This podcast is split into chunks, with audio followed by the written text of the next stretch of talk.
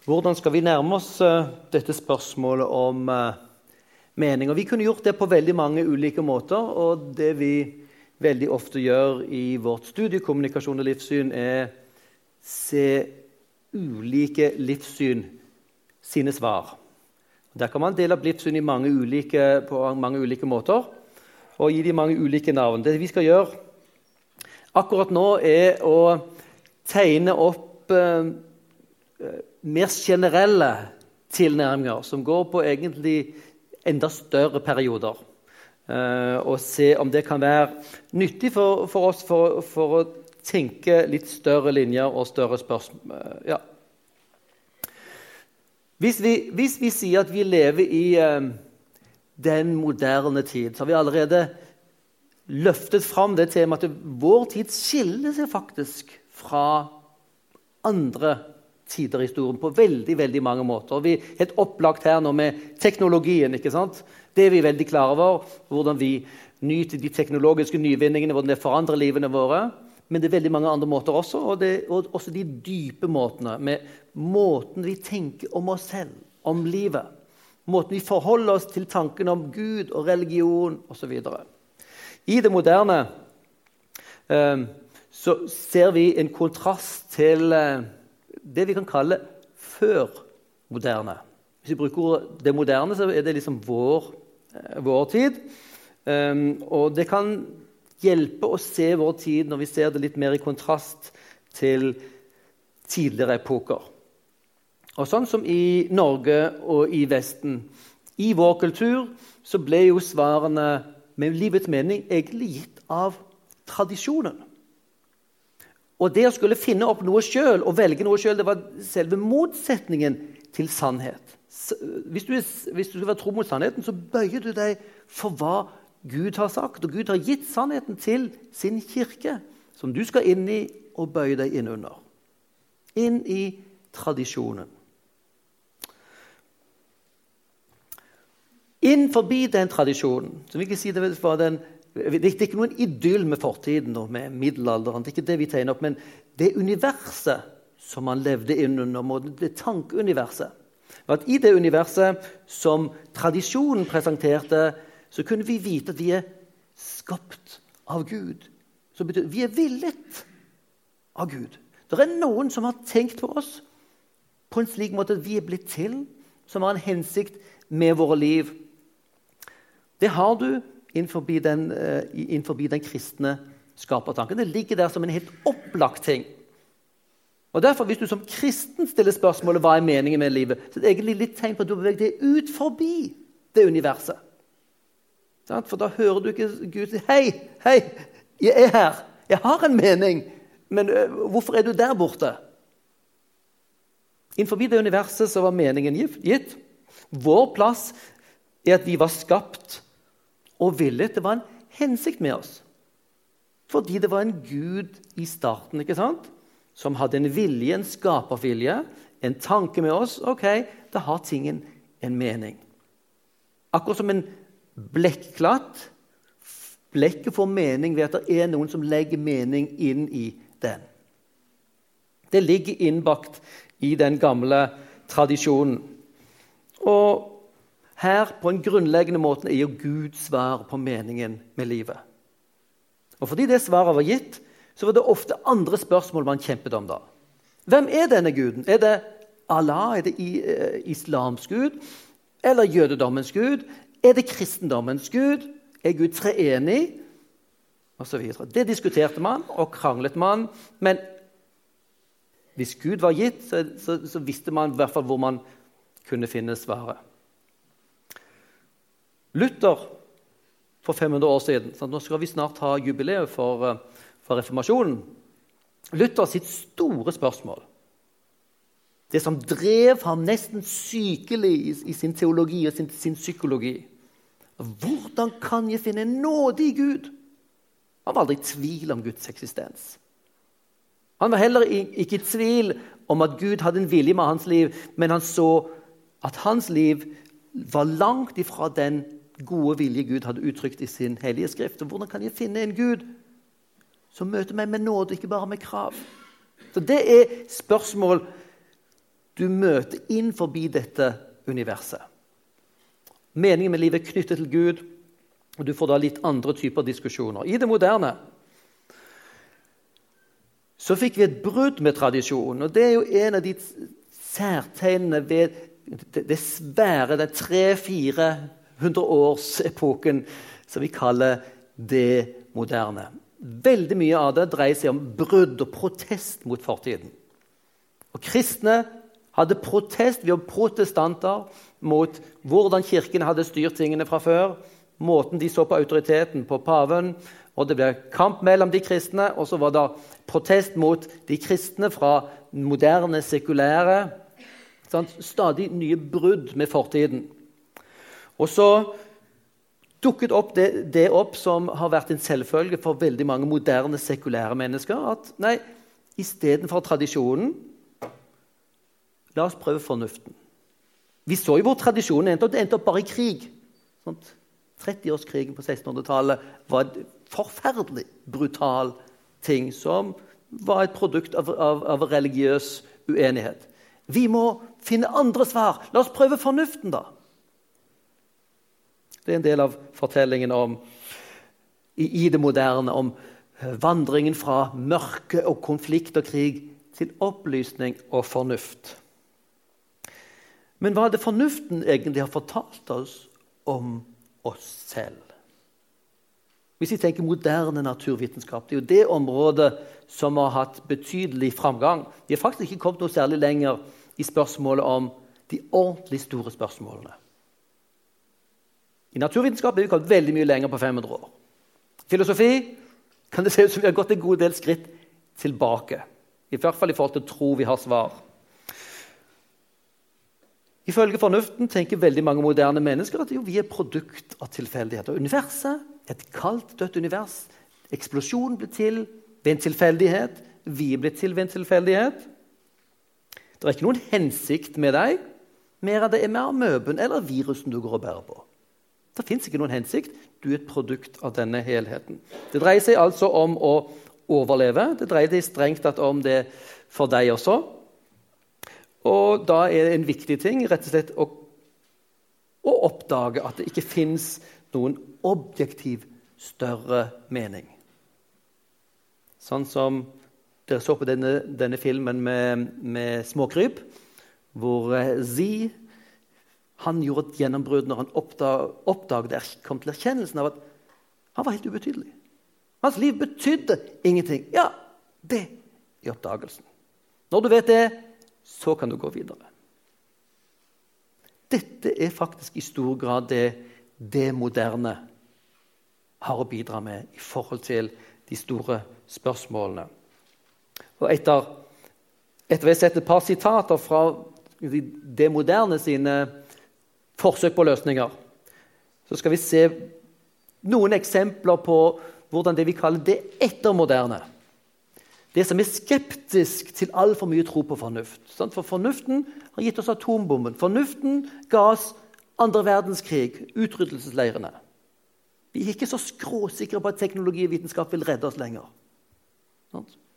Det kalles det ettermoderne. Den skepsisen til skråsikkerheten som de som sto for fornuften og det moderne, sto for. Nå er vi i en annen fase, men la oss først se på noen sitat fra de som representerer det moderne. Da kan eh, den mest kjente ateisten i verden, Richard Dawkins, være et godt start, eh, sted å, å begynne. Eh, og han er jo evolusjonsbiolog. Han er en stor fagmann på, på området for evolusjon. Og så forsøker han å anvende dette også inn mot filosofien. Da er ikke like sterk, men dette er hans perspektiv på tilværelsen ut fra sin biologiske kunnskap. Universet slik vi ser det nå, har nøyaktig de egenskapene vi skulle forvente hvis det i bunn og grunn ikke fins noe design hensikt, ikke noe ondt eller godt. Ingenting uten en blind, hjerteløs likegyldighet. DNA verken bryr seg eller vet. DNA eksisterer bare. og vi danser til dens musikk. Kunnskapen om utvikling og DNA og kromosomer sier egentlig at i bunn og grunn så er det bare slik. Og det er ikke verken godt eller ondt. Det fins ikke mening. Det bare er sånn. Og uten å vite det, så bare danser vi ubevisst til alle disse molekylenes handlinger i bunnen av tilværelsen. En eh, annen professor i biologi, eh, og som forsøker seg også inn på, på filosofien, eh, kan vi høre her. William Provine på Cornell University. La meg summere opp, sier han. La meg summere opp de, eh, mine, mitt syn på hva moderne evolusjonær biologi forteller oss, klart og tydelig. Jo, det fins ingen guder, ingen hensikter, ingen, ingen eh, målrettede krefter av noe slag i universet. Det er ikke noe liv etter døden. Når jeg dør, så er jeg helt sikker på at jeg kommer til å forbli død. Det er slutten for meg. Det er ikke noe ytterst grunnlag for etikk, ikke noen ytterst mening til livet, og heller ikke noen fri vilje for menneskene. Dette er det fornuften som har ledet dem til. Når de forfølger fornuften, som driver de inn i naturvitenskapen, er det eneste de ser, årsak og virkning. Vi er fanget i det universet. Der kan du ikke finne mening. Der kan du kun finne årsaker. En eh, moderne filosof og historiker som heter John Gray, har skrevet en veldig sterk og interessant bok. Eh, for noen år siden kom den ut nå da. Han slutter boken sin slik er, Dette er en radikal kritikk først og fremst av humanisme. Han sier humanisme er religion. Fordi hvis du tror på menneskets verd, tro på moral og etikk, sånn som alle moderne sekulære eh, eh, humanetikere gjør, så sier han du er religiøs. For det fins ikke noe naturvitenskapelig grunnlag for å si at mennesket er betydelig. For at det fins noe moral, eller for at det fins et jeg. Det er en illusjon. Og så avslutter han boken sin slik at han tar konsekvensene av naturer altså finnes. Det fins ikke jeg, fins ikke noe mening, fins ikke moral, fins ikke fri vilje. Andre dyr trenger ikke noe mening med livet. Mennesket den store selvmotsigelsen kan ikke leve uten det. Kan vi ikke tenke om livets mål som bare å se? Det er hans forslag. Vi kan ikke la være å bry oss om at det ikke fins mening med livet. Kan ikke bare sitte og betrakte det. Det hadde vært veldig interessant tilnærming til moderne politikk. Til Syriakrisen, det som skjer i Burundi nå. Sånt. Bare se på det. Se flyktningene komme. Det er interessant tilnærming hvis du faktisk skal sette det ut i livet. Men dette er det denne filosofen faktisk sier. Han forsøker i hvert fall å være konsekvent. Det skal han ha. Vi kan også ha med en god, gammel eh, ateist, Jean-Paul Sartre. Filosofen og forfatteren. Hans, hans filosofiske verk er ofte i form av romaner, fantastisk lesverdige sterkt stoff. Eh, han setter ting på spissen, uttrykker seg veldig klart. En av de største filosofene i det 20. 20. århundre. Alle ting blir født uten årsak, grunn, og dør av ren tilfeldighet. Derfor er det ingen mening verken i livet eller døden. Så dette sier filosofer og naturvitere. Og De som er inne i naturvitenskapen, er jo de som i vår kultur egentlig har den høyeste autoriteten. Når det gjelder kulturell autoritet Hvis du kan få fram en kar her i hvit frakk og som jobber i et laboratorium, da har han autoritet. Han lytter du til. Får du en prest, han kan dette med følelser. Han kan ikke noe om kunnskap og ordentlige ting. Kanskje jeg kan trøste deg litt, men de som driver med naturvitenskap, de vet fakta. Dette er det de kommer til. Fornuften har ledet de ikke bare inn i veggen, men ser ut til de henger for et stort, stort juv av intethet. Der er det fornuften ledet i. Tradisjonen Da var meningen gitt. Det som fornuften synes har gitt oss, er et svært gapende hull. Men vi lever i dag i en tid, og, og, og, denne tiden vi lever i i dag, kan også forstås enda bedre med at det er en reaksjon mot overtro på fornuften. Fornuften kan jo ikke gi oss noen svar. Vi, skal, vi må ikke tenke, men vi må føle. Og Tenk hvor godt dette samsvarer med moderne medienes tidsalder. Som overvelder oss med følelser. Vi skal sitte bare og føle, og så innbakt i de følelsene kommer det masse ideer som ikke vi bearbeider. Derfor er det alltid veldig viktig å reflektere over det man ser. Men hele moderne mediesirkuset drives av følelser. Og til dels noe av den moderne kristelige kulturen også. Kom på møte, skal vente og få gode følelser. Og Da må vi løfte opp musikken, da må vi løfte opp uh, toneleiet. Uh, det skal være kult og moro, og vi skal fryse på ryggen. Ah, Da får vi noe. Da var nok kanskje Gud der.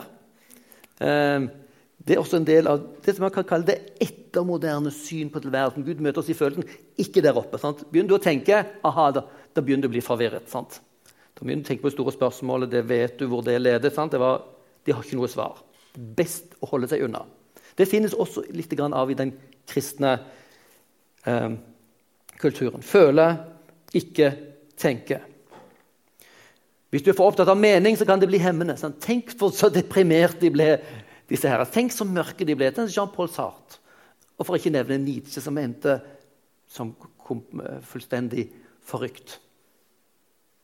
Kanskje det er best å bare more seg. Chips, cola, Netflix. På overflaten, hold unna de store spørsmålene, så kan du kanskje flyte litt fortsatt. Og så skap din egen mening. Hør her noen stemmer. Joseph Campbell sier Life has no meaning. Merk, det begynner der. Det begynner der hvor den småkrypfilmen begynner. Det betyr det fins ikke noen mening. Each of us has meaning, and we bring it to life. Du må skape mening. You need a positive attitude. Du trenger din holdning. Du skaper mening. It's a waste to be asking the question when you are the answer. Det er bare bortkastet og stille spørsmål om finnes livets mening. For du selv er svaret. Interessant. Men hvem er jeg, da? Det sies jo ikke her. Hvem er jeg? Syk og forvirret? Sånt. Så sier Bruce Lee, som uh, Dette er et ungdomsbilde av han. Han var en stor uh, karatefilmskuespiller. Eh, ikke en som jeg kjenner spesielt godt. Men merk dere hva han sier her. The meaning of life, Livets mening er at det skal leves. Og ikke at det skal handles med eller settes begrep på og presset inn i noe system. Ikke noe system. Ikke tenk på det. Livet skal leves. Det passer perfekt inn i vår overfladiske opplevelseskultur. Eh, for å si Det sånn, det passer jo ypperlig i forbrukerkulturen. Å hindre oss fra å reflektere over våre handlinger det er den mest effektive måten å få solgt ting. Og Her har du to kjente programledere. Who do you want to be today? Hvem ønsker du å være i dag? Men det er jo et ganske interessant spørsmål i vår kultur. Hvor, vær deg selv. Ja, meg selv etter hvor mange lag med sminke eller operasjoner, så finner jeg mitt sanne jeg. Det er ganske ironisk at uh, dyrkingen av jeg ender opp med masse reparasjoner og endringer. Uh, så vi til slutt ikke vet opp eller ned, eller han eller hun på oss sjøl engang. I uh, bloggeverden, noen av dere er sikkert inne her ganske jevnlig, hos vår søster, god, god venninne Sofie Elise sin blogg. Eh, lev livet. Vær deg selv. Men hvem er jeg? Når alle stirrer på meg, så sier jeg at det er noen ting jeg vil forandre. Jeg vil se annerledes ut. Og så får du den operasjonen, du får den operasjonen, du har dårlig selvfølelse. Man er inne i en sirkel. Man er et jeg inne i en kultur som presser deg på ditt utseende. Eh, og det kan være en vond opplevelse innenfra. Og så har du kirurger rundt deg og masse, eh, masse varer som skal hjelpe deg med å finne ditt jeg. Vi er i en ganske utfordrende situasjon